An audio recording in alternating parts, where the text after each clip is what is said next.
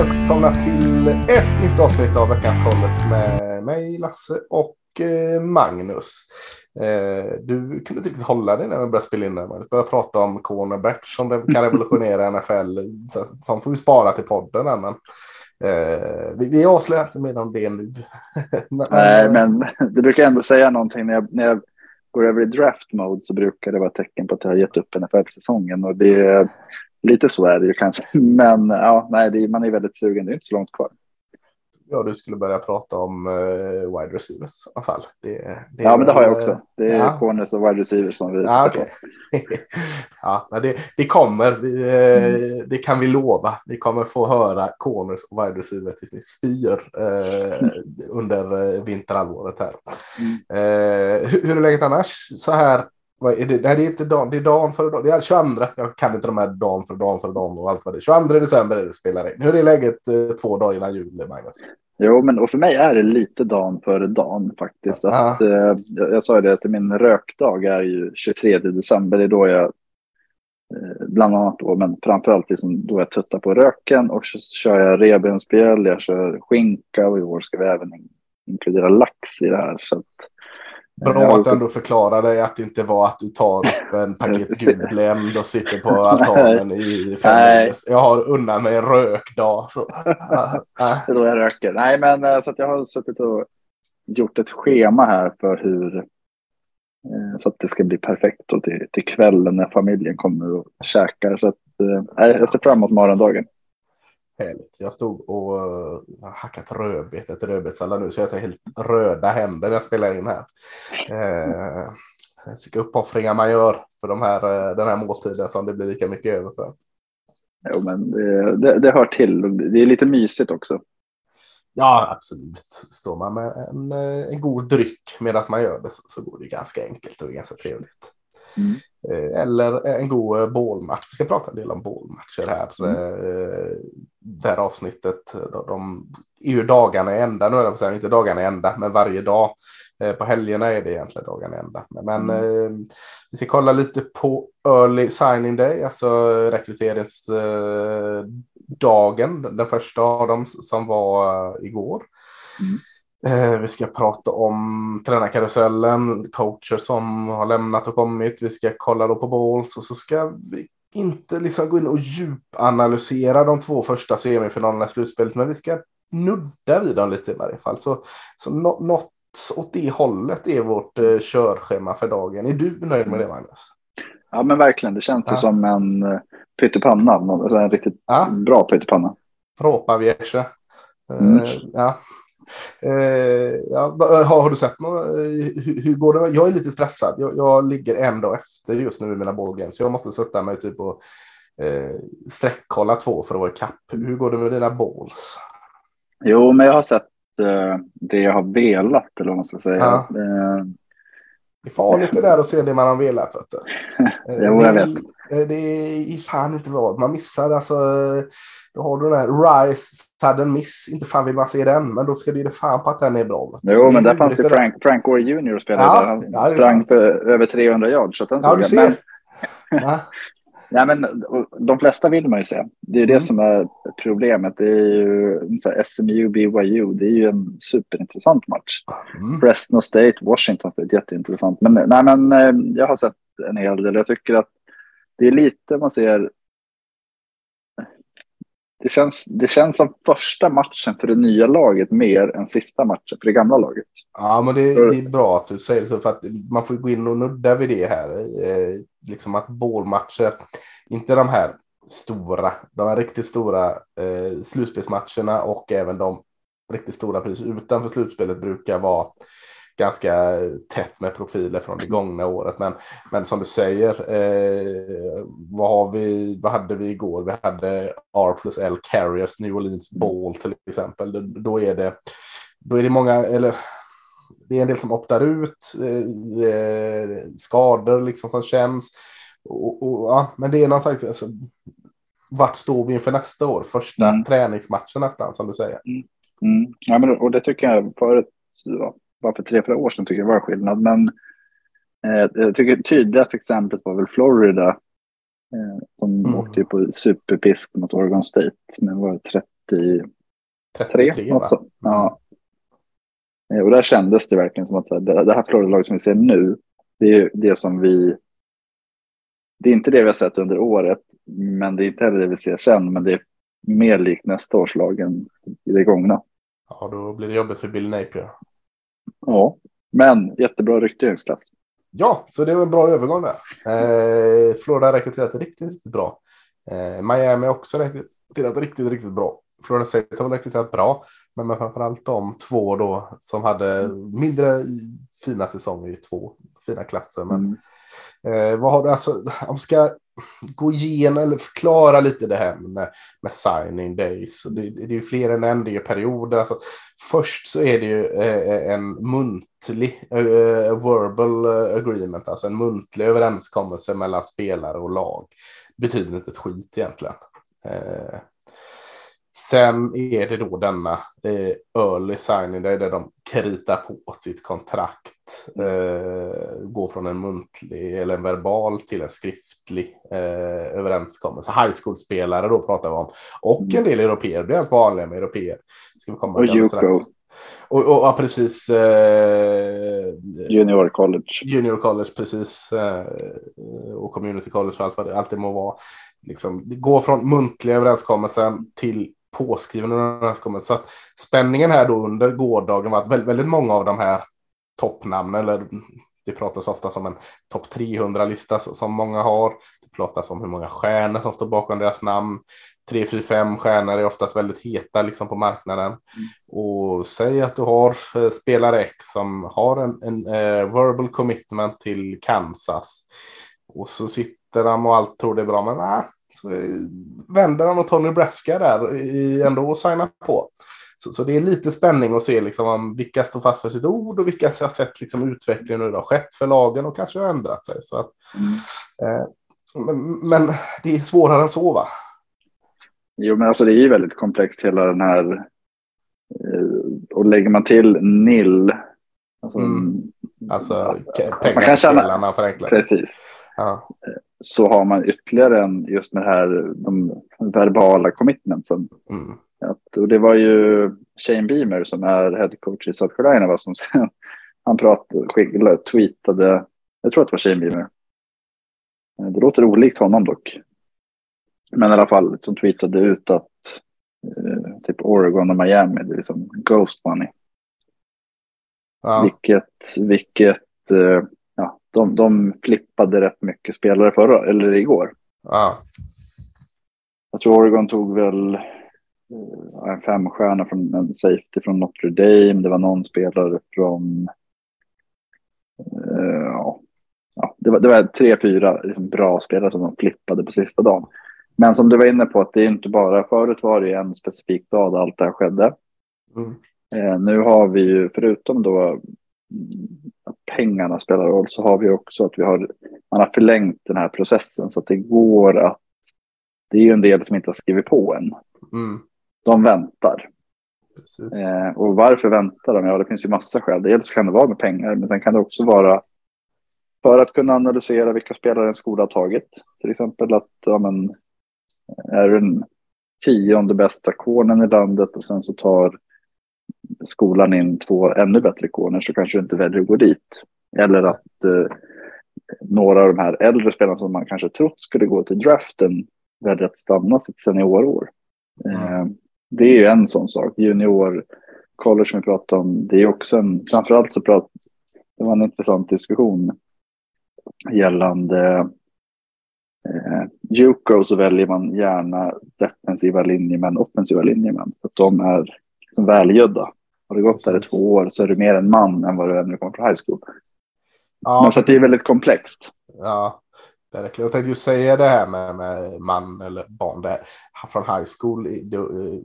Man är ju i bästa fall en ungdom liksom. Så att eh, visst, det kan vara kloka skäl att man, man väntar och signar på eller att man ändrar sig eller att man står fast. Men man får tänka på det också. Det här är unga ungdomar. De, det är inte alltid helt lätt. Det, det kan vara också så här, ja, men jag vill stå i rampljuset lite till och dra ut på det här. Alltså, det förstår mm. man. Alltså, det, det, är inte, det är inte fullvuxna proffs. De, de har inte tillåtelse av agenter än. Visserligen har de sina föräldrar med sig, men eh, det är inte hela tiden så lätt. Så att, eh, när man har med ungdomar att göra så, så Eh, tycker jag också framförallt att eh, jag tycker det har blivit bättre ton kring det. Förut var det så här när någon flippade så var det burn in hell your idiot och mm. Eh, ja, good riddance och sånt. Jag tycker det har blivit bättre ton på det. Alltså, det var tråkigt att vi tappade det men lycka till. Man, alltså, mm.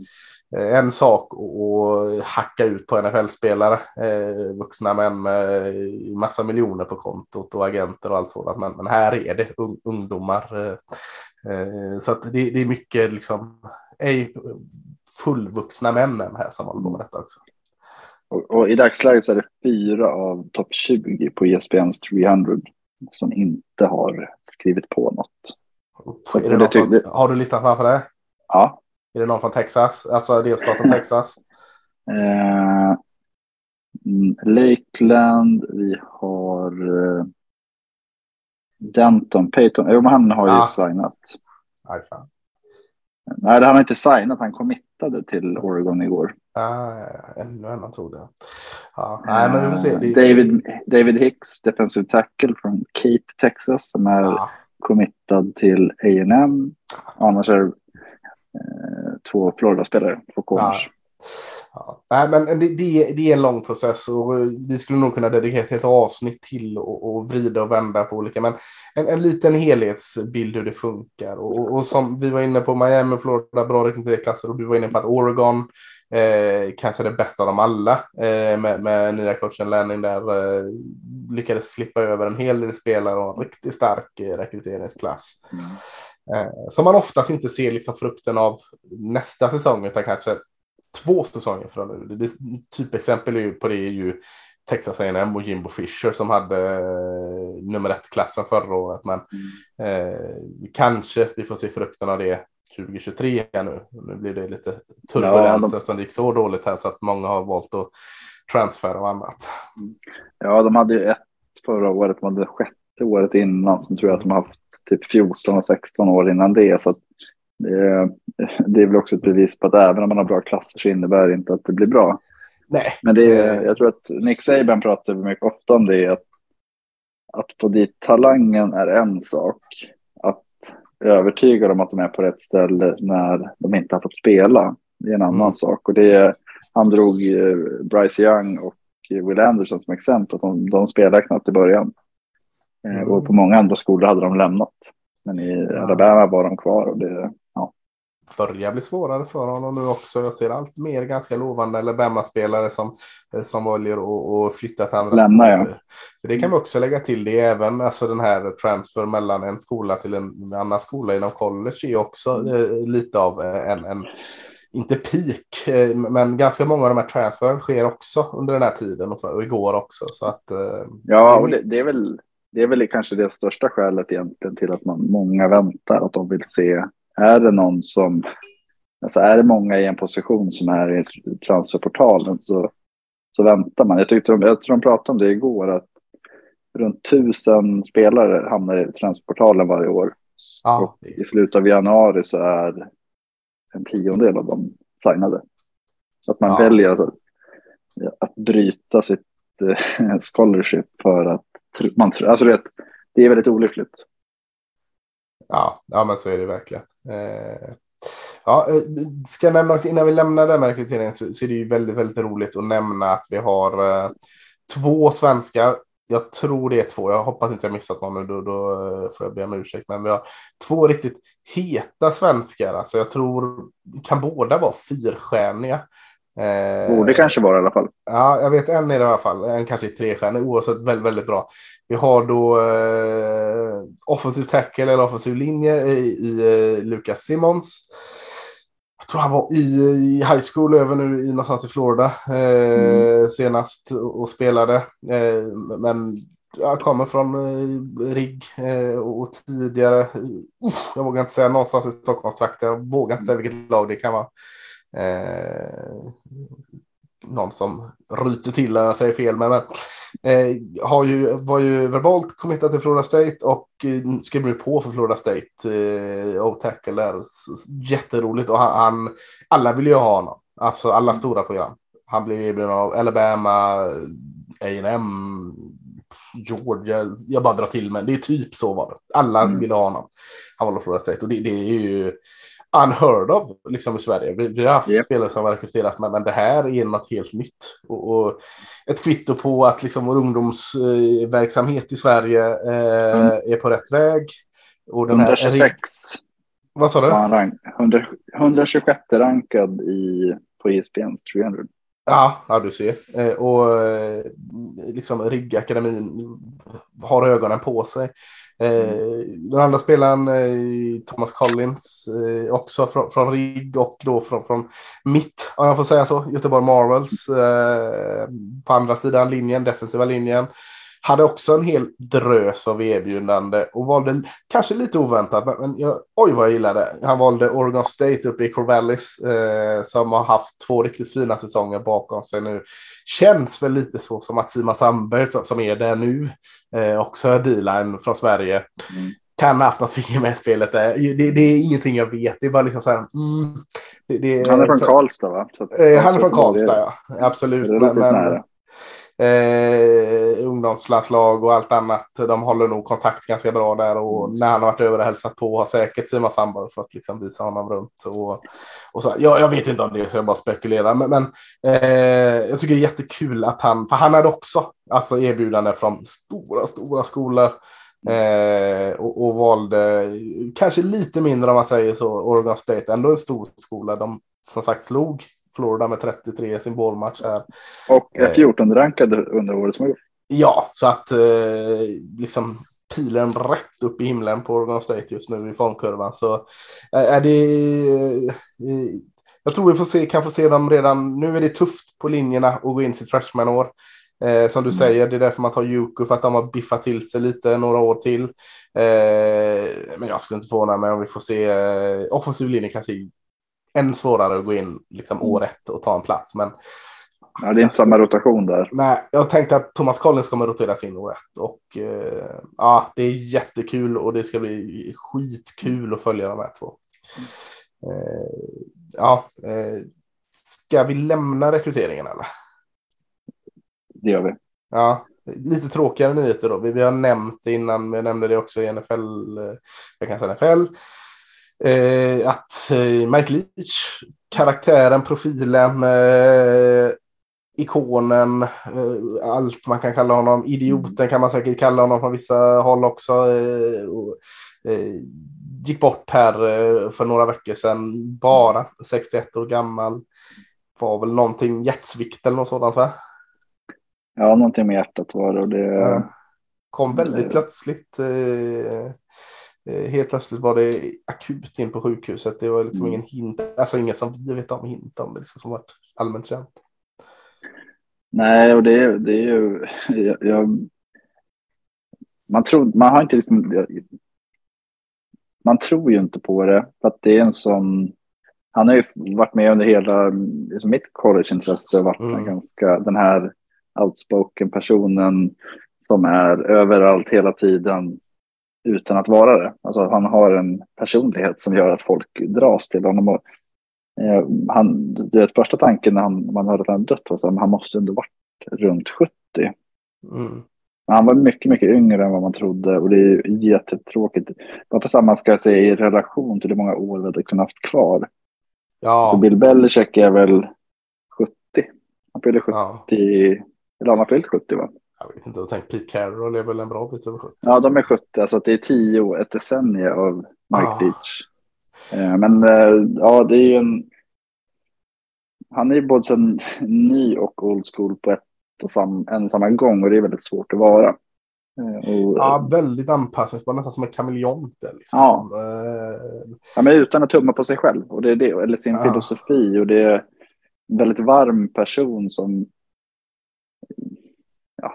så här, vet, idag, i, när man ser att allt fler och fler kanske inte är sig själv i media så har Mike Leach alltid varit den här ökända, säga, välkända ja, eh, presskonferensen med när han börjar ranka maskotarna i ah, Pac-12 till exempel. Ja, han tar sig tiden för det och det ja, ja han kommer Ja, eh, han älskar ju så här rankningar också. När det är alltid halloween så ska han hålla på. Ah, jag, jag byter nu, jag vill ha Reese ska vara min nummer två i trick or mm. treat högen. Ja, men han var ju mm. femma på listan förra året, han åkte till sjunde plats och nu så, så han, han eh, väldigt glimt i ögat. Mm. Alltså, eh, alltså, han, han hade säkert sina lik i garderoben. Han var i blåsväder i Texas Tech till exempel och, och gjorde inte allt riktigt efter boken mm. där. Eh, men, men Alltså det är inte bara att collegefotbollen har blivit en profilfattig utan det är ju amerikanska fotbollen liksom historiskt sett som har blivit mm. en profilfattigare. Alltså en, alltså en öppen bok mer eller mindre som bjuder på sig själv hela tiden. Eh, och nu pratar vi bara om eh, liksom personen och då har vi inte ens börjat pilla på hans påverkan på eh, liksom eh, X's alltså fotbollen. För där är han ju också en pionjär, en banbrytare. Mm. Eh, eller hur? Mm, absolut, och det är, man brukar ju prata om, på Twitter kommer, dyker det ofta upp så här, har du inte spelat kan du inte säga någonting. Mike Leach spelade rugby. Mm. Eh, det var liksom på B-Way. Ja, precis. Eh, sen så insåg han att amen, det, finns, det är liksom coachning jag brinner för inom den här sporten. Och, eh, visst var det Valdosta State med Hellman där han liksom snappade upp allting. Och sen... Det, det tror jag. Det, ja. det, det ringer en klocka i borde vara. Eller om det var att han var i Iowa Wesleyan. Och där han bör... Båda ringer en klocka. Kan ha varit i båda. Ja, han har nog varit i båda. Undrar om Hellman tog honom till Valdosta State eller om det var tvärtom. Att han hade varit med Hell... Ja, hur mm. som haver. Han, äh, Air Raid-fadern Hellman heter han va? Mm. Um, Ja, jag tror att det var Mike Litch kom till Valdosta State och i Iowa så var han med Elman och lärde sig liksom det här med air raid. Eh, och allt som har skett, alltså det är ju slutet av 90-talet, allt som har skett därefter har ju, alltså det är sådana gigantiska fotspår han har lämnat efter sig. Man ser liksom det, dagens NFL, det är ju liksom, Mike Leach har ju sina pinglar med lite överallt. Och det märktes också efter bortgången att det var väldigt, väldigt många coacher som är välkända och liksom head coaches eller har varit som, berättade att det här har jag lärt mig av Mike Leach. Det jag kan, det har jag lärt mig av honom. Ja, nej men eh, alltså han, Hellman, eh, Mami eller vad han heter, eh, tog han under att vinga tidigt där mm. och det var väl då, vad heter de, Iowa, heter de Iowa West, West, Wesleyan. Ja, just det. För det var där han, han började då, Mike Leach, när han fick sitt mm. första jobb som offensiv koordinator. Han hade haft lite andra jobb innan det, men och sen Valdos och sen var det Kentucky, Oklahoma och sen, mm. blev, sen var det Texas Tech där han var eh, större delen av tiden. Ja, eh, och så Washington State och så nu då lite för kort tid då i Mississippi mm. State. Eh, mm. Där han liksom har liksom viftat den här air raid flaggan kanske mm. mest aktivt av alla och jag tror du la ut någon tweet eller om du la ut i vår Slackgrupp eller något. Eh, bara se hans liksom coachträ som har liksom mm. spunnit ut från under honom nu. Det är enormt mm. många som har liksom har mm. gått och lärt sig under honom och anammat det här spelet. Eh, helt, helt fantastiskt. Mm. Och han är väl 0,5 procent i vinst från att kunna, och det tror jag de kommer ändra på i college. Jag tror att de måste vinna 70 procent av matcherna som coach för att kunna välja sin Hall of Fame. Ja, oj, ja. Och jag tror äh, Leach har 69,5. Ja, nej, han, han kommer garanterat komma in. Ja, då måste de ändra reglerna. Det är också så här, är, är, man en person som ser till att den här tröga byråkratiska organisationen ändrar reglerna, då är man inflytelserik på det mm. man har gjort. Och det, ja, men det, det var väldigt, väldigt tråkigt när man hörde att, att han var sjuk först och främst, men att han hade gått bort. Det, var, det kändes... Det, det, det är så kul från Starkville, det är liksom eh, de, som, de som har varit i Starkville och de som bor där pratar ju om att största nackdelen med Mississippi State är ju att det ligger i Starkville för att det är ett så otroligt tråkigt ställe. Men det, var, det är ju massa så här restaurangägare och annat som har liksom kommit ut och sagt så men Mike Leach han, eh, sponsrade de här, de soulfood-restauranger och andra saker bara för att liksom, mm. han, han vill hålla liv i stan. Stark Vegas väl tycker jag, det är ju grymt. Eh, bara... Stark Vegas, ja, och de här koskällorna. Jag kan inte förstå att man inte gillar det, men. Jag har, bara, jag har bara åkt igenom Starksville en gång faktiskt. Jag kan inte ge det en, en ärligt omdöme. Eh, jag tror inte mm. varit eh, där särskilt länge. Ja, Mike Leach absolut en enorm profilfattigare i fotbollen är, men istället för att liksom grämas så väljer vi att gladeligen minnas allt det gottiga med honom. Och mm, är man nyfiken mer kring Mike Leach så eh, kan man ju enkelt knappa in på YouTube. Mike Leach, eh, Mike Leach press conferences, Mike Leach history eller vad fasken som helst. För, för det, är, det är värt en liten, liten sökning, en liten grävning där. För det är verkligen en fin profil att, att gräva kring.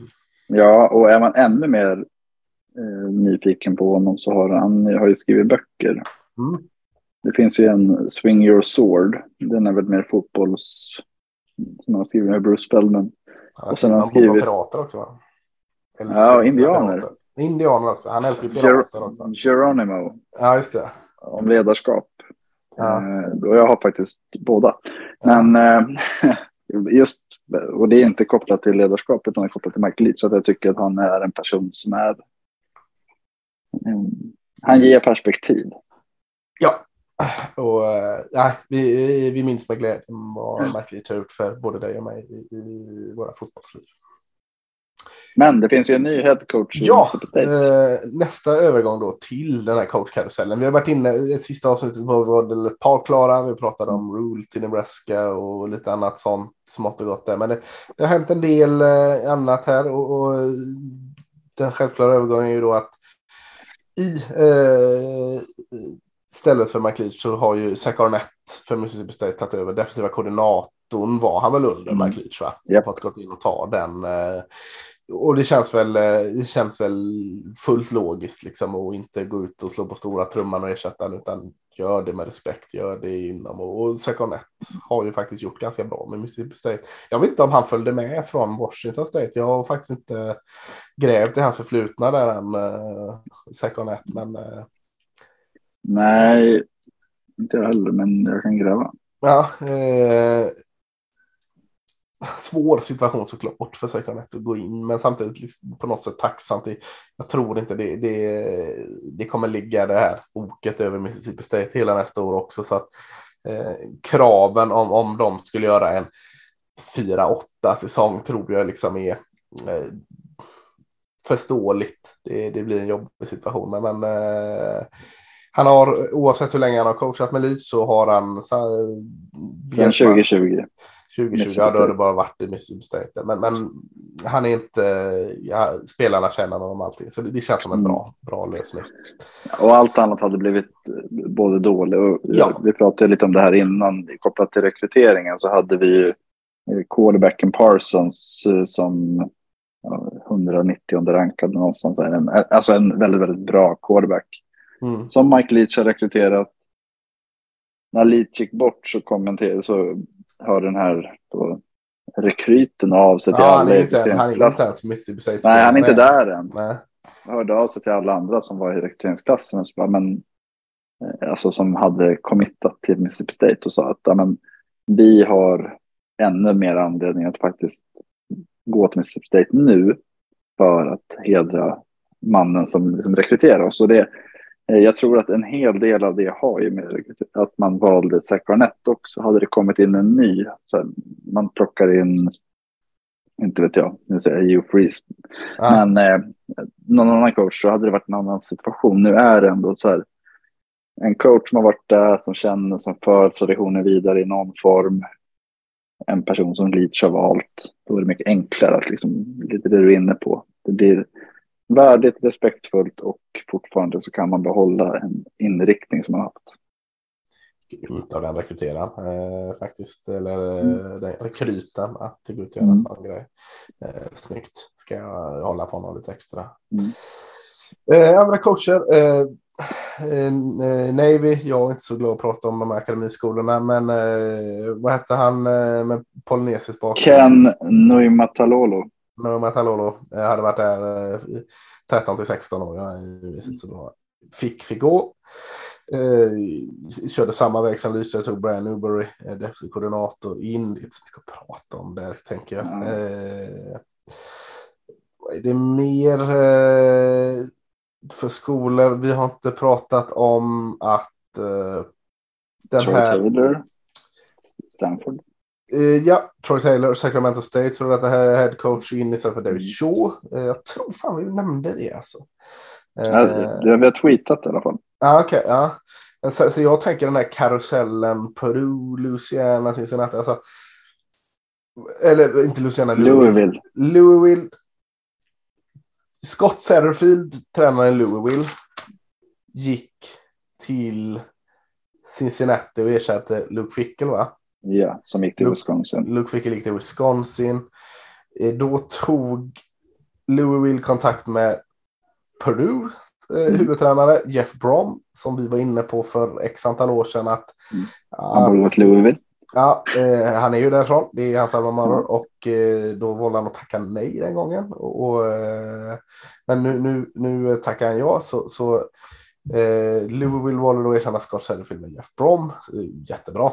Eh, jag vet inte om vi ska kommentera Scott Satterfield till till Louisville känner jag mig inte lika het med. Det, det, det känns ju som jätte, alltså, det känns skumt ja. att det vart som det vart. Det ja. borde varit tvärtom någonstans. Att, alltså just att Brom tackade nej för vad det, tre år sedan. Ja. Men det säger väl lite om det som vet jag, Ryan Walters kommer in i till Purdue, gissar jag. Ja. Eh, jag, jag fattar inte riktigt den. Alltså, Big 12-skola också. Men ja, jag, är mer, jag är mer glad i Jeff Brom till eh, Louisville än vad jag är Scott Sheffield till Cincinnati mm. i alla fall. Så att mm. vinnande ur den så hittills vet vi i alla fall. Eh, Purdue då eh, blev jag med Jeff Brom och eh, tog in Ryan Walters, eh, Illinois defensiva koordinator mm. som eh, gjort ett gudomligt jobb med Illinois. Eh, och han har ju varit runt lite både i Big Ten och SEC där, så det är lite smygbra där. Mm. Men 36 det, år gammal. Illinois ja. hade väl nationens bästa försvar i år. Ja. Och vi pratade om Brett Bielema boll och det kräver ett bra försvar, men Ryan Walter känns ju som en Upcoming eh, Ja, men jag tänkte så här, om vi pratar om så här, framtida NFL-coacher så gissar jag väl att han kommer nämnas inom något år. Mm. Absolut. Eh, men där har vi den karusellen, Purdue, Louisville och Cincinnati i slutet. Jag tänker också att eh, vad har vi mer? Vi har eh, Barry Oden, eh, Arkansas mm. defensiva koordinator, eh, som har gjort ett bra jobb där. Eh, var väl också innan huvudcoach i Missouri, va? Mm. Eh, ny coach i UNLV, alltså Las Vegas. Eh, ganska fin fjäder i hatten för Vegas tycker jag. Verkligen. Ge eh, honom en chans till där. Vi har, vi har tre namn som är eh, superintressanta. Ja, du får se. Jag, jag, jag sparar ett lite här, kanske två. Ja, men jag eh, säger den första. Ja. Det är ju Tom Herman. Herman, ja. Eh, Texas och Houston som ja, ersätter Villetag. Florida Atlantic, va? Ja, FAU. Mm. Sen har vi Trent Dilfer som gick från high school till uh, Alabama U, vad heter de? AUB. Uh, ja, uh, University of Alabama Birmingham där ja. Mm. Japp, UAB. Ja. Men den alltså, största snackisen är väl egentligen i Colorado va? Ja, ja. Eh, Dion Sanders primetime från Jackson State. Ja. Till då eh, Jackson State som är en utanför FBS division 1 till Colorado och gjorde det liksom med dunder och brak. Gick ut och hade något tal där det gick att tyda lite hur som helst. Lite som att ja, ni som är här är inte bra nog, vi ska ersätta er. Eller ni som är här nu, ni får rycka upp er. Jag vet inte om det var motivationstal eller inte, men eh, rörde om gjorde han och eh, även på signing day här nu så lyckades han dra över en hel del spelare. Eh, han har två grymma cornerbacks man lyckas dra till sig och, och mm. sonen som QB gick väl över med antar jag inte ens mm. kollat, jag bara antar det. Eh, ja, så där kommer det bli åka av i Boulder, Colorado. Ja, men och, alltså det är ju... Tittar man liksom på strukturen i collegefotbollen så är det ändå otroligt roligt med den här typen av coach. Alltså Colorado kommer ju vara i fyra, fem veckor i alla fall väldigt, väldigt intressanta för alla. För mm. vilken, vad har han för impact? I år så brydde sig ingen om dem. Nej. Eh, nej, det ska bli väldigt spännande att följa faktiskt. Väldigt spännande. Vi kommer komma in på det mycket, mycket mer. Jag kan nämna ett par till i alla fall, inte lika heta, men eh, Kenny Dillingham, eh, Oregons officer-koordinator, eh, till mm. ny coach efter Herm Edwards där i Arizona State. Känns sådär va? Jag har sett bättre Oregon-offensiv än det som mm. var förra året. Eh, vi pratade om att Hugh Freeze gick bort, eller gick bort, att han gick till eh, Auburn va? Mm, yep.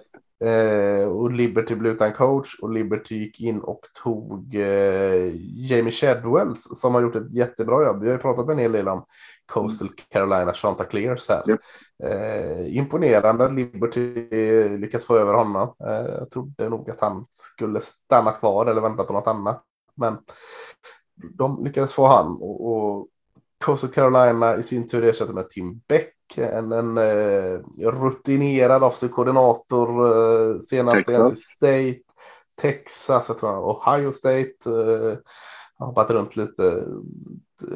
Jag vet inte, den, den, den sådär, men där har vi väl lite, ja, Brent Key tycker jag. Georgia Tech, mm. vi har pratat en del av Georgia Tech. Yep. Eh, han som vi gav lite beröm här. Eh, mm. Som fick hoppa in när Jeff Collins fick kicken. Som gjorde ett jättebra jobb.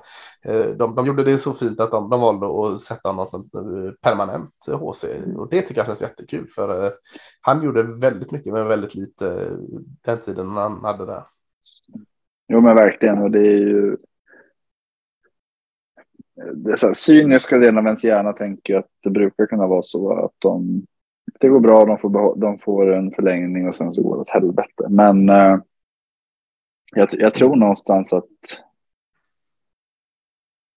ja, Collins var på rätt väg. Och sen mm. kom det in en ny röst och ändå kunde förändra. Ja. Så det ska bli väldigt, väldigt spännande att följa Jordetech framöver.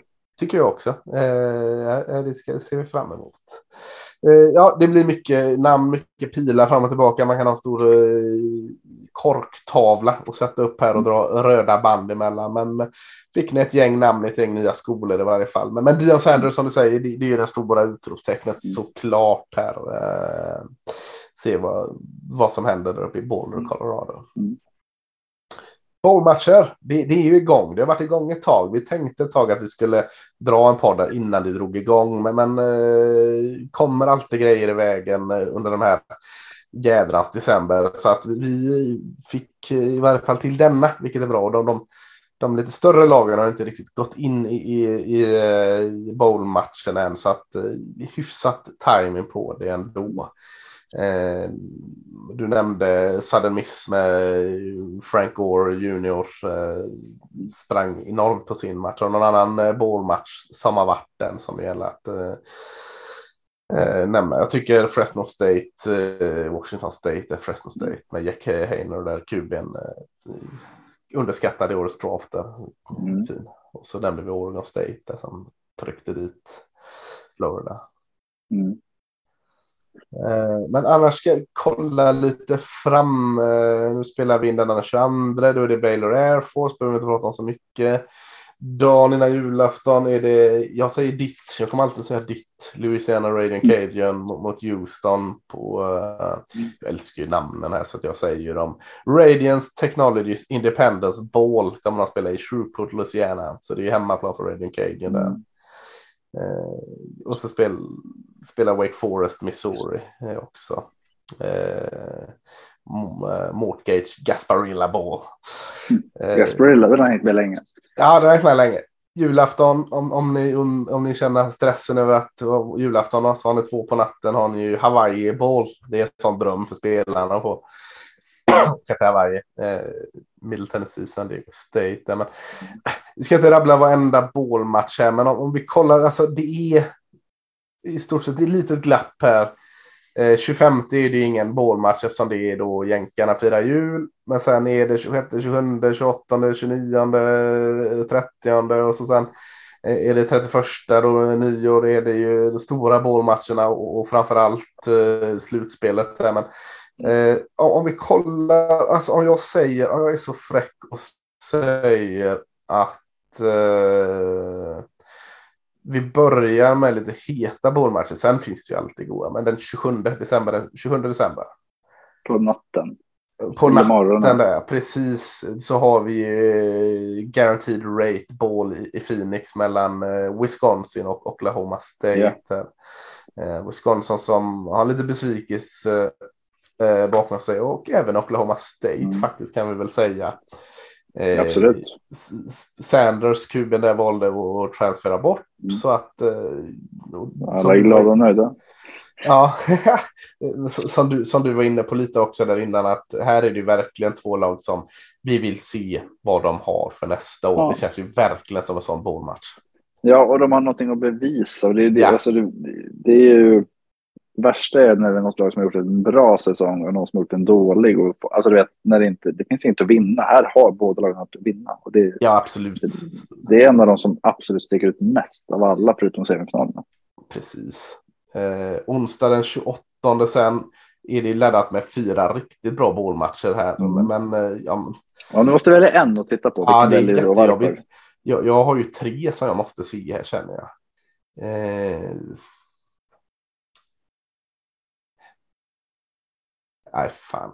Jag, jag kan inte välja en. Eh, ja, men då säger jag eh, Autoson Liberty Ball eh, i Memphis mellan Kansas och Arkansas. Kansas eh, som var ett utropstecken, att de spelar bålmatch i sig är ju eh, liksom riktigt kul. Eh, och Arkansas som från ett utropstecken till lite av ett frågetecken i slutet av säsongen.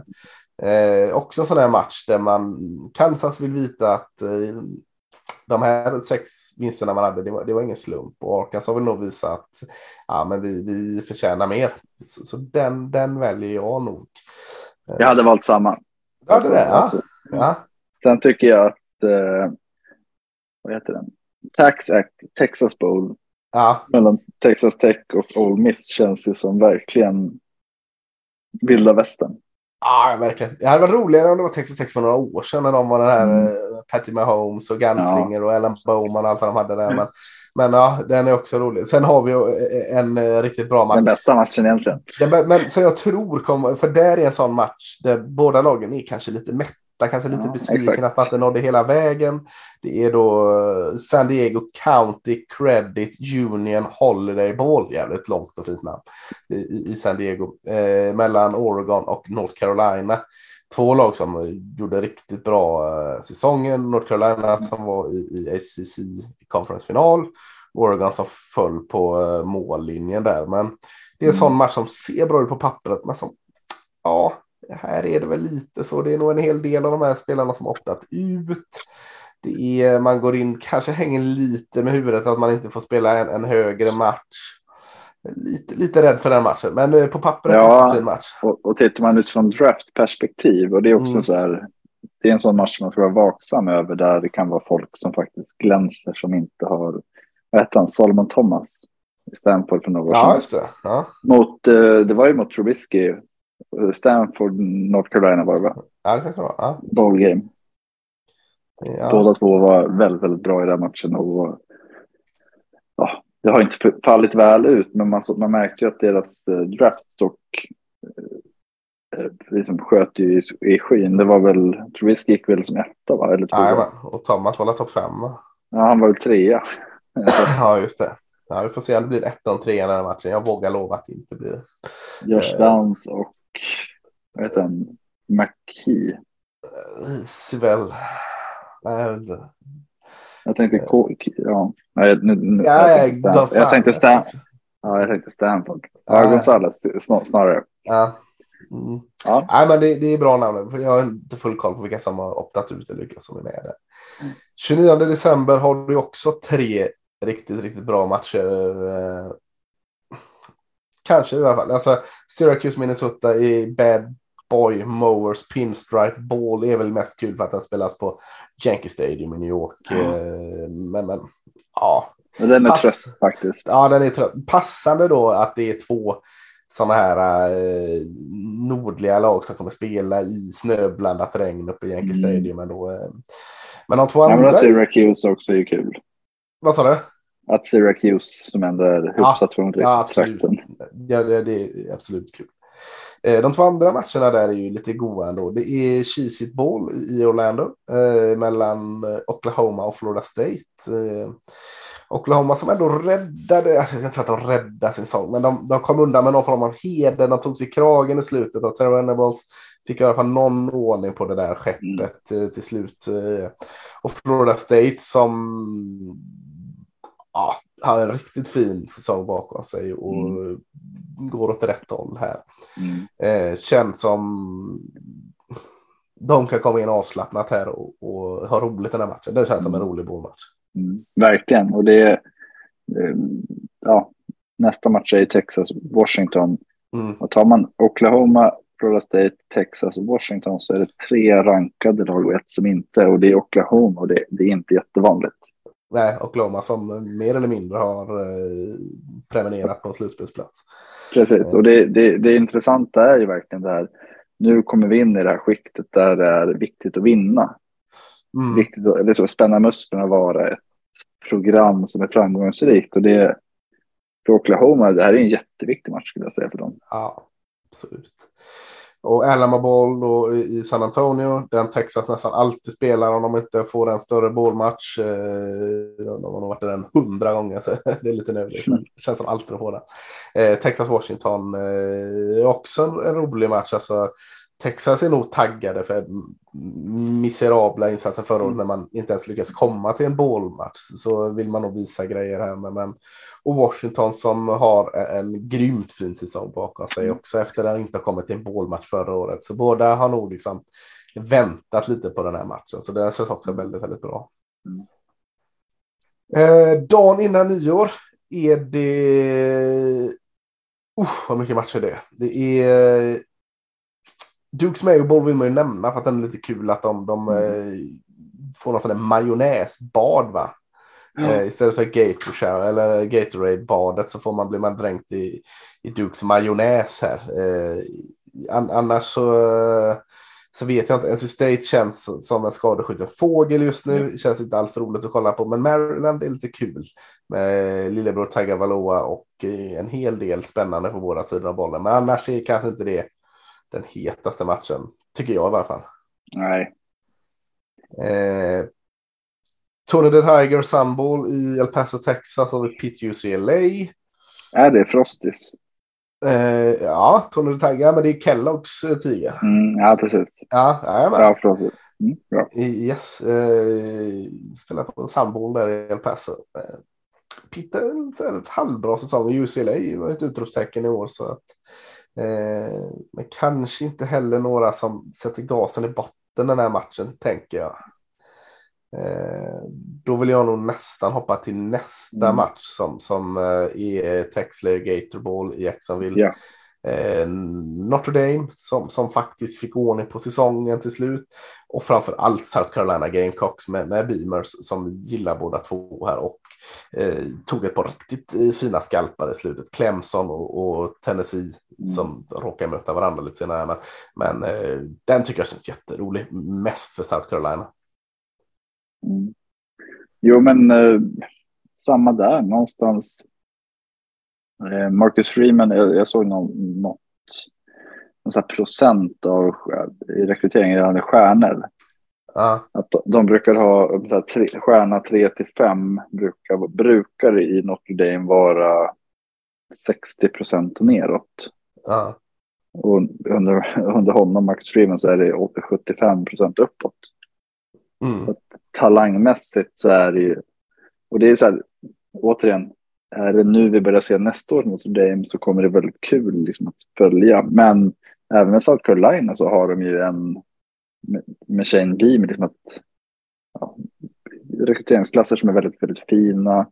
De kommer vilja vi, alltså det är ju ofta så, de som vill attrahera ny publik är mm. väldigt sugna på att göra bra i de här sammanhangen. Så det ska bli Eh, bägge, bägge kan få en fjäder i sin hatt. Mm. Ja, men jag tycker den är kul. Eh, inte så mycket om Ohio Wyoming. Men, men eh, kul sista matchen för kvällen, två på natten. Eh, en av de här stora bollmatcherna, den är väl med i rotationen och var slutspelsboll. Eh, va? Eh, mm. Nu är det inte slutspel i år. Det är Capital One Orange Bowl som spelas i, eh, i Miami på Hard Rock Stadium. Kul att det är Orange Bowl och att det är två orangea lag som möts. Eh, det är sjätte rankade Tennessee mot sjunde rankade Clemson så att det, det beror på bra jäkla eh, lager. Det kommer vara mm. packad arena i Florida med fans både från Clemson och Tennessee. Tennessee utan Hooker och Clemson utan en, två, Han har väl lämnat va? Ja, transferat. Och så Klubnik eh, som faktiskt såg bättre ut när han kom in för Clemson. Det är ju jätteroligt att se vad han kan göra i den här bollmatchen.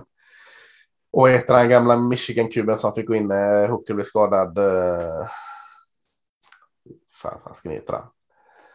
Uh, Ja, skitsamma. Eh, jättearm har han. Eh, och, eh, jag tror alltså det skulle kunna vara lag, två lag som ändå har haft nosat på slutspel som skulle kunna vara besvikna och inte ge allt. Men det här är ändå en stor bålmatch så, så att jag tror ändå att det här blir en riktigt bra bålmatch. Det är min känsla i alla fall. Ja, det tror jag också. Jag tror att det du är inne på att det kan vara att de är nöjda eller besvikna, men mm. jag tror fortfarande att de har eh, coaching, alltså de, de behöver visa att, alltså Tennessee att det inte är en fluk. Mm. Att nästa år så är vi tillbaka till 4 och 9. Och för Clemson att ja, vi, vi, vi är en elitskola fortfarande. Vi behöver mm. vinna den här så att vi är rankad topp 4 när man börjar de här previews inför nästa år. Mm. Så jag tror att det finns mycket att vinna. Ja, jag med. Ja, det känns som kul. Eh, nyårsafton eh, har vi två matcher som vi väntar lite med att ta där. Men, eh, vi har eh, eh, Music City Ball i Nashville, Iowa, Kentucky. Det känns inte roligare. Nej, det är max 25 poäng. Jaha, eh, vi säger bara det. Men, men eh, Sugar Bowl, All Set Sugar Bowl i, i eh, Superdome New Orleans. Också en av de här stora, stora bollmatcherna. Där Sam Ellinger skrek uh, “We're back” för några år sedan i Texas. Mm. Uh, har vi ju en görhet match. Uh, femte rankade Alabama mot nionde rankade Kansas State. Kansas mm. State som gick upp, tryckte dit TCU där och, och är Big 12-mästare. Mm. Och ja, har ju inte gjort annat än att övertyga förutom den här förlusten mot Tulane och någon till. Men, men, och Alabama som Ja, Nick Saban är nog bra förbannad över att ha missat det här slutspelet eh, när han på vippen var nära att mm. glida in ändå. Eh, jag tror nog han vill visa att eh, han skulle han vara i slutspelet så att jag, jag, jag, tror på den matchen. Ja, och jag tänkte du sa med Kansas State att Tulane torsk. Mm. Hade de vunnit den, vart hade de hamnat då? Ja, eh, ja då hade de nog varit slutspel tänker jag. Och det är rätt sjukt. Alltså, ja det förklarar ju också problematiken med systemet. Mm. Eh, vi kommer kanske komma in lite på det just nu. Vi pratar om de fyra topplagen. Att det ju, från varje 25 så blir det fler lag. Mm. Men det här är verkligen två lag som kommer vilja säga att fan, vi skulle varit i slutspel. Så ja, den här matchen tror jag kan bli ja, Man hade ju sig två förluster till va? Man förlorar mot Texas. Och så förlorar man väl mot TCU i eh, grundserien där. Och de hade ju eh, vaskat. Ja, de segrarna. Eh, ja, kanske. Ja, det hade varit på vippen i alla fall. Det ja. hade varit eh, betydligt mer intressant. Mm. Absolut. Eh, sen vet jag inte hur många av de här Alabama-spelarna som optar ut. De, jag brukar väl inte göra det. De är alltid i slutspel så de optar inte ut. Nej, och gör de det så är det fortfarande att de som kommer in är sådana som säger jag, jag måste visa vad jag kan annars så är jag inte i, på plan nästa år. Exakt så är det, vilket gör det jätteroligt. Roligt om de som inte optar ut är kvar och får se dem en vända till. Och skulle det vara så att de väljer att avstå och satsa på draft så är det jättekul att se Next Man Up i Alabama. Så, så Sugar Bowl het. Mm. Eh, andra sidan nyåret, eh, som sagt vi går tillbaka till 31 december om en stund. Eh, andra sidan nyåret, eh, nyårsdagen är det ingenting där. Eh, mm. Får man slicka sina sår om man har eh, druckit champagne eller annat. Eh, men eh, andra januari. Eller, eller titta på matcherna. Ja, precis. I efterhand. I efterhand. Precis. Andra januari tycker jag är en, en av de som verkligen har ringat in och framför allt med det vi har pratat om innan. Det är Relia Quest Ball i, i Tampa. Kanske egentligen inte en av de hetaste ballmatcherna, men det är mellan då Mississippi State och Illinois. Och se här Mississippi State första då, eller sista, ett farväl då till Mike mm. Leach, farväl till en hel del spelare. Eh, bara det är ju värt att kolla detta. Eh, och så sen Illinois som har varit eh, ro, ful fotboll på ett roligt sätt. Jag vet inte, mm. jag, jag, Iowa spelar också ful fotboll, men kanske på ett tråkigt sätt. Jag tycker Illinois spelar ful fotboll, men, men på något sätt ett underhållande sätt. Ja, men de spelar för att det ska hända saker. Ja. Alltså någonstans så spelar de för att skapa situationer som de kan nyttja. Iowa spelar ju på att tråka ut motståndaren så att de mm. liksom inte är alert. Alltså det, det, är, ja, det skiljer sig. Och det är ju det är ju kul just utifrån ny headcoach i Mississippi State. Han har allt, eh, vad ska man säga, alla chanser i världen att motivera sina spelare att göra sitt bästa. Mm misslyckas han med det så är det egentligen bara genom sparken för att då klarar han inte av att, i, i det, ja, kanske om de är övertända, det är det som enda skälet till ja. att han inte skulle. Men även i Illinois så försvinner ju Walters till Purdue, mm. defensiva koordinatorn. Eh, det kommer komma in en ny DS. Alltså det, det, finns ju väldigt mycket spännande i det att se och jag tror att Bileman kommer inte heller, alltså han kommer ju vilja att laget ska prestera på en nivå som gör att ja, men det här är den nya standarden här. Ja, jag är lite så här rädd att Illinois nu försvinner defensiva koordinatorn. Man har två, kanske till och med tre DB som kan gå relativt högt i. Mm. Jag är mm. lite rädd att de optar ut det tyvärr. Mm. Och där är det inte som Alabama att ja, kul att se Next men up, de har inte riktigt samma återväxt. I nej, nej, och det är en risk, absolut. Eh, tyvärr, men, men eh, absolut eh, en match man måste se. Kisit Citrus Bowl, alltså Kisit två bowl kan jag säga nu, det har jag aldrig tänkt på innan. Det måste vara nytt att de har satt sitt namn på ytterligare en. Ja. Eh, det gillar jag inte riktigt. Man ska ha en, det måste finnas någon eh, så här. Eh, motor, ja, någon annan chipsföretag eller kexföretag eller matföretag som kan gå in och ta en boll här. Men Citrus Bowl i alla fall LSU mot Purdue två förlorare i sina konferenser, eh, konferensfinaler. Eh, två bra konferensfinaler, förlorar mm. inget att skämmas mot och förlorar mm. mot Georgia och eh, Michigan. Eh, hur tror du de tacklar den här matchen? Nej, men jag, jag, tror att känslorna går in är ganska lika, att de är väldigt nöjda med, med säsongerna och, och vart de är på väg. Sen tror jag att LSU, ja jag vet inte, min känsla är att LSU fäster mer vikt vid att vinna Mm. Medan Purdue är glada de det. Coach, ja, men de har ett coachbyte också. Liksom, hela den biten. Så att, ja, men jag tror att eh, Kelly kommer, Brian Kelly kommer vilja att här, cementera vår status någonstans. Vi är mm. en tungviktare. Vi ska inte vara rankade 17. Vi ska vara rankade topp 6 varje år. Mm. Då måste vi slå de här lagen. Så jag, jag skulle inte bli förvånad om LSU vinner med 25 poäng i den här matchen. Nej. Uh, ja, jag är nog beredd att hålla med dig där faktiskt. Uh, vi har två till riktigt bra matcher, eller kanske de två bästa matcherna den här januari, andra januari.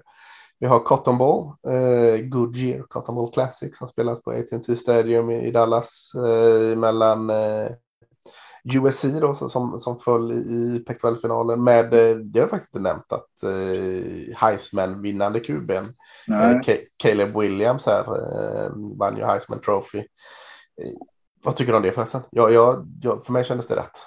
Ja, det känns rätt. Och det, jag vet, det var mycket snack om så här, men det var bara quarterbacks och det var bara det var ingen som hade dominerat hela året och hela den biten. Men någonstans är det, det känns som att hela collegeåret var så i år. Mm. Det var inga lag som var jättebra hela tiden. Det var alltså, ja, Georgia var väl närmast vi kom, men vi hade ju ändå våra funderingar kring dem. Mm. Eh, och det var inte något, heller några spelare som var så superdominanta. Nej. Så att jag, jag har inget att invända egentligen. Mer bara att det hade varit kul om någon annan kunde vinna något, något år. Ja. Alltså en, QB. Eh, kul notis. Jag tror det var han var inte blivit upp till själv, eh, Williams här när han vann den. Eh, ja, jag vann Heisman, men de tre mm. jag slog här i finalen, de får i varje fall åka och spela slutspel. Det, jag hade gärna bytt det, eh, för det var ju Max mm. Duggan och TCU-kuben, C. Stout, Ohio State-kuben och Stetson Bennett, Georgia-kuben mm. som var de tre andra finalisterna där. Och mm. som du säger, lite väl QB-inriktat där. Mm. Jo, men då, det är väl ett tecken på att det inte har varit kvaliteten i det stora hela har inte varit superbra när det gäller spetsspelare i alla fall. Nej, Vilket hade Texas, har gjort. hade Texas haft en vinst till eh, så hade Brian varit. Jag, jag kan nästan tycka att han borde varit det ändå. Brian Robertson vann Jo, men och det är det jag menar. Mm. Den typen av spelare borde, alltså det är ju väldigt mycket vilken prestation gör laget. Mm. Så att du behöver ett bra lag och du behöver en statistiskt sett bra säsong för att kunna vara aktuell med, med vinster och ja, för Stetson Bennett är ju inte sett honom i Western Kentucky så inte varit en Heisman favorit. Nej, nej, nej, precis. Eh, Bian Robinson hade, varit, hade kunnat varit i 100 av 130 lag. Ja, absolut. Eh, så är det. Eh, ja, i matchen, eh, vi sa inte ens att han skulle möta, USC då möter eh, kanske ett av de liksom, roligaste mm liksom prata om Tulane som jag pratade om ganska mycket. 16 rankade Tulane, 10 rankade USC. Tulane som vann American. Mm. Eh, slog Kansas State som vi pratade om för några minuter sedan här. Och, och eh, ja, alla är så glada för deras framgång. De var ju nära att lägga ner sitt eh, idrottsprogram där något år, mm. några år efter Katrina och hurrikanen. Mm. Eh, och så hade den 2-10 säsong förra året eller något sådant eller det var två år sedan och så är man här och spelar cotton ball. Mm. Eh, jättekul. Eh, men, men motivation slår klass sägs det oftast. Men gör det det här? Vad tror du? Nej, jag, Nej. vad sa vi i LSU? 25 poäng här, 30. Ja, ja och, och, jag menar, de har Heisman-kuben som, som, spelar den här matchen. Det är, ja. Caleb Williams ska inte till någon draft. Så nej, det, det är USC ska vinna. Lincoln ja, Riley de, USC är besvikna. Ja, de, de vill nog liksom. De gav ju bort en slutspelsplats. Så de ville verkligen visa att fan, vi är bättre än enkel tändvätska. Precis, de gav bort den till Utah. Utah spelar då, det är, det är rosornas parad i Pasadena, California. Rose Ball Parade och eh, då spelas ju Rose Ball eh, som har presenterats av en hel del. Nu presenteras av Prudential eh, och den spelas då på Rose Ball. Normalt sett hemmaplan för UCLA. Mm. Och det är alltid att det spelas mellan bästa laget i eh, Pac-12 och bästa laget i Big Ten. Om nu inte det råkar vara så att ett eller två av de lagen råkar vara i slutspel och kan de inte mm. spela denna. Och två av lagen i, i Big Ten råkar ju vara i slutspel. Mm. Eh, men inget i Pac-12. Så eh, det blir eh, Utah då som slog USC och så blir det Penn State som helt klart är det tredje bästa laget i, i mm. Big Ten. Och inte Purdue som var i final. Nej, och det tycker jag är helt rätt. Ja, jag vet, men det är nog kul. Ja. Eh, svår. Det är så lätt att försöka tippa mot Utah, men, men eh, så går de ja, och vinner den då. Ja, den här tror jag de vinner.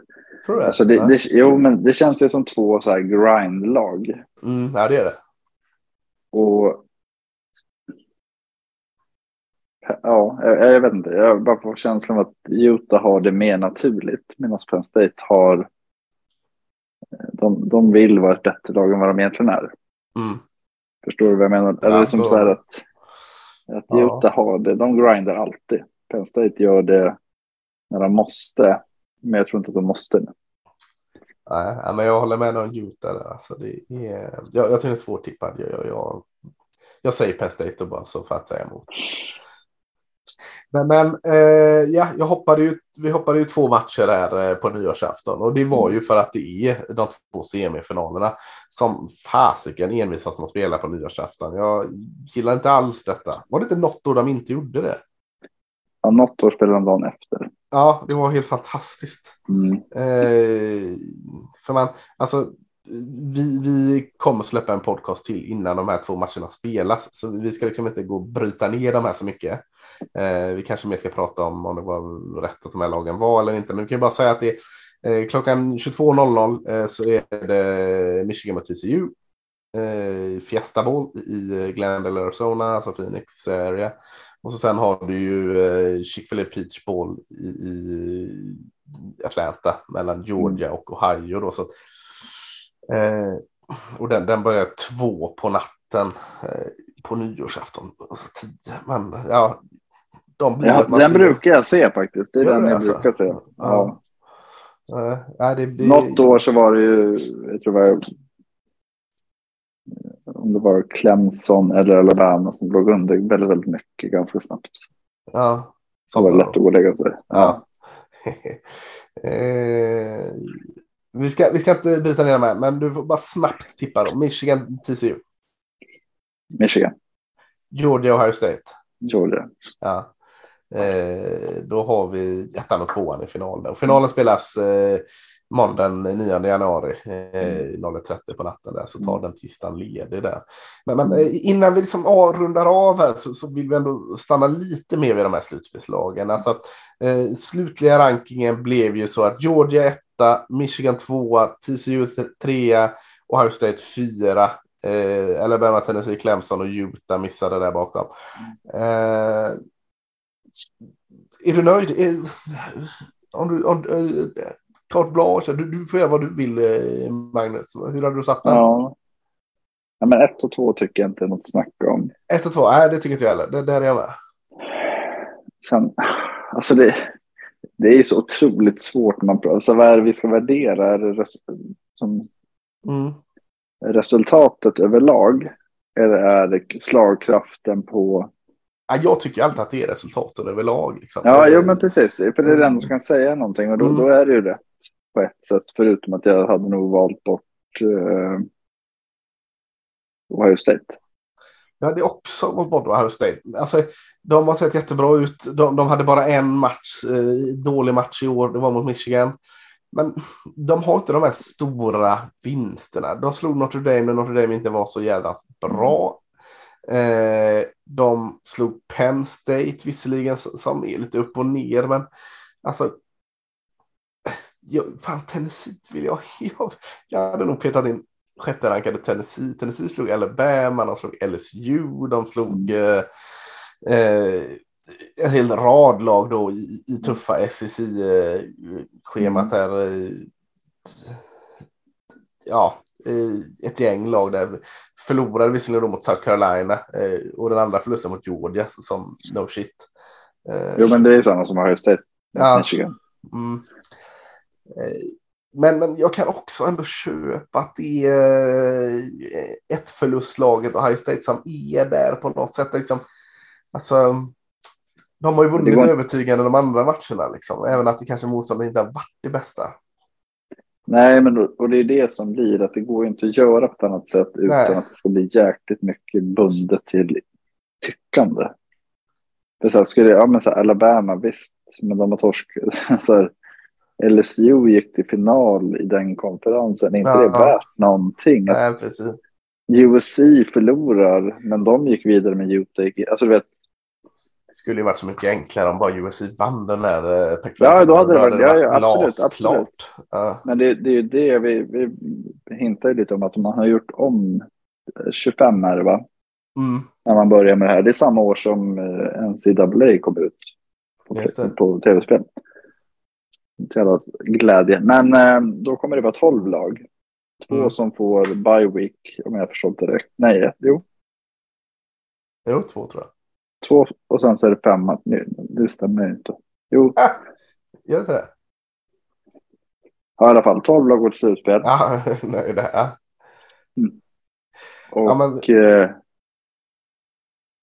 Sen så har vi ju, alltså då får man ju en dynamik, men det, där pratar vi om, okej, okay, ska alla konferensvinnarna gå vidare? Och jag tycker ju att det är rimligt. Mm. För att skapa... Ja, Big Fem, alltså de... Ja, ja absolut, absolut, ja. absolut. För att skapa den här, det är ju vinsterna som räknas. Du kan toppa din form för att vara och det, för det tror jag ger mer bra matcher i liksom, out of conference. Absolut. Jag, jag, men, men lek med den här tanken då att vi hade haft ett eh, 12 slutspel nu då och så eh, vi skiter i Bergviksen och så vidare. Vi bara tar 12 rakt av här. Då hade det varit Georgia mot Washington. Det hade varit Michigan mot Penn State. Det hade varit TCU mot USC. Ohio State mot mm. Kansas State. Eh, Alabama mot Utah och Tennessee mot Clemson. Alltså, mm. inte många av dem där det är solklar utgång. Nej, och, och är det solklar utgång så är det liksom så, men fine. Ja. Titta fotbolls-VM, hur, hur ofta är det inte att man kan tippa rätt match i slutspelet? Nej. Eller ja, rätt vinnare. Och det hade varit ett jättebra slutspel det jag sa just nu. Alltså de här 12 ja, herregud. Ja. Och man hade eh. sluppit väldigt mycket av det här bajsnödiga som jag kan uppleva att det blir ändå i att ja, men, de förlorar mot dem och därför är säsongen körd så tidigt. Istället för det... att... Ja. Nej, men istället för att man... Här, vi siktar på att vara som bäst här. Det är ett alternativ. Eller vi siktar på att vara jättebra hela året. Alabama skulle kunna ha den approachen medan eh, TCU hade kunnat ha en annan. Alltså det, mm. det blir väldigt sårbart när man har fyra lag. Ja, och det hade ju inte varit det där argumentet som vissa säger att ja, men då kommer ju alla med för att liksom kolla. Och, när Oregon hade missat, LSU ja. hade missat, Texas hade missat, Notre Dame hade missat. Eh, liksom lag med, med, stora ambitioner inför säsongen. Oklahoma liksom inte ens rankade. Så att det är inte det heller. Det kommer vara lag som står utanför och stampar in stora lag med stora liksom, förväntningar inför säsongen. Så att det är mer än, än 12 lag som, som har stora förväntningar för säsongen. Så att det argumentet håller inte heller tycker inte jag. Nej, och, och det argumentet grundar sig i att ja, då kommer jag alltid vara Alabama, Clemson, Ohio State och... Ja. Och, de och säga, ja, men de kommer, ja, men de kommer ändå vara där. Ja. Det spelar ingen roll. Är det fyra lag kommer det ändå vara där. Är det tolv lag så kommer det vara fler lag som faktiskt har chansen att säga att ja, men vi har varit i slutspel tre år i rad. Kom till mm. oss. Sen, nu, nu sa jag Washington gjorde jag det, men det ska väl vara så att eh, bästa laget av eh, Group of Five tar den va? Mm. Så att eh, Georgia Tulane hade varit där. Men eh, i sådana fall, för jag tror det är väl sagt så va? Eh, eller det kanske inte är spikat än hur det är. Men, men det är inte om, spikat hur de ska göra. Nej, det, men, men det, det känns rimligt. Liksom, om det är konferensvinnarna från eh, Power 5 och så eh, bästa laget då rankade från Group of Five. Liksom, så att mm. det är sex lag klara och så sen är det sex andra. Det är, så tycker i alla fall jag det ska vara. Ja, och jag tror att det, är, det blir ju så per automatik. Uh. För att man kommer ju ta, alltså konferensserierna kommer ju betyda mer. Och mm. bra vinster kommer betyda mer. Alltså det är det som är grejen. För det, det ser vi ju när, man, när, när de bryter ner konferensschemat. Så ser vi att okej, okay, men de slog ju faktiskt det här laget och mm. de är jättebra. Och tittar, alltså, alltså slår man ut det på helheten så kommer det vara att bra segrar blir bra segrar istället för att det var i början av säsongen. Då har vi glömt den. Mm, precis. Sen, sen eh, ska vi säga det också. Det kanske ett smart drag av, av eh, NCAA att avvakta lite här med att sätta eh, kriterierna för att komma till slutet. För att det är just nu en otydlig tid här med, med eh, lag som eh, rekryteras till stora konferenser. Framtiden kring vissa konferenser, det är frågetecken. Så att det kan, kanske inte är helt dumt att sitta lite lugn i båten här innan liksom man, man kritar ner det finstilta hur det ska vara. Eh, Nej, det håller jag med om. Gå till tolv lag, bra första steg. Sen sitt lite lugnt, se vart liksom eh, vinden blåser innan man, man, man, lägger upp kriterierna för vilka, hur, hur, reglerna ska vara. Ja, och för min del kan de jättegärna, då behöver inte finnas en tydlig, ett tydligt ramverk, utan med de tolv lag vi tycker är bäst. Ja. Hur bedömer absolut. man det? Jo, hur, hur matchen har gått. Ja, absolut. Ja, eh, fasken, vi, vi sa så här, det blir nog en kort podd idag. Vi har inte så mycket och, och, och långt schema. Det, det, vi lurar oss själva som vanligt där, Magnus. Vi, mm. vi, när vi ger oss själva tid så tar vi den varje gång. Uh, hoppas ni gillar det också. Vi gillar ju det som fan. Att sitta och mm. prata om, om uh, sidspår. Sidspår är vi, det vi lever i, jag och Magnus. Uh, men vi rundar väl av nu va? Ja, vi önskar alla en extremt god jul och en fin bowlsäsong, eller vad man kallar det. Ja, absolut. Eh, först får du säga, vad, vad, är, vad är favoriten på julbordet? Vi måste, måste lyfta en sån viktig sak också. Favoriten på julbordet? Alltså, det, jag har två saker. Det är ena ja, du får ta min, två. Ja, min jullasagne. Med ja, just det. Den har jag fan hört om förut. Ja. Jag glömmer ja. alltid att du har en sån. Jag får fan komma ihåg det till nästa jul. Ja. Och den andra är ju min rökta skinka. Den är ju helt gudomlig. Alltså. Uh, vad är jullasagnen igen här nu? Det är någon, någon det är anspel alltså, på Cincinnati chili där va? Ja, men det är Cincinnati chili. Ja. Istället för vanlig köttfärssås. Ja.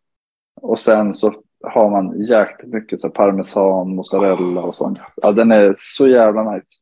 Ja, vad gött. Funkar med en lite rökt skinka till det också kan jag tänka mig. Verkligen, verkligen. Ja. Jag, brukar, jag brukar köra någon sån här juldekoration liksom, på överst.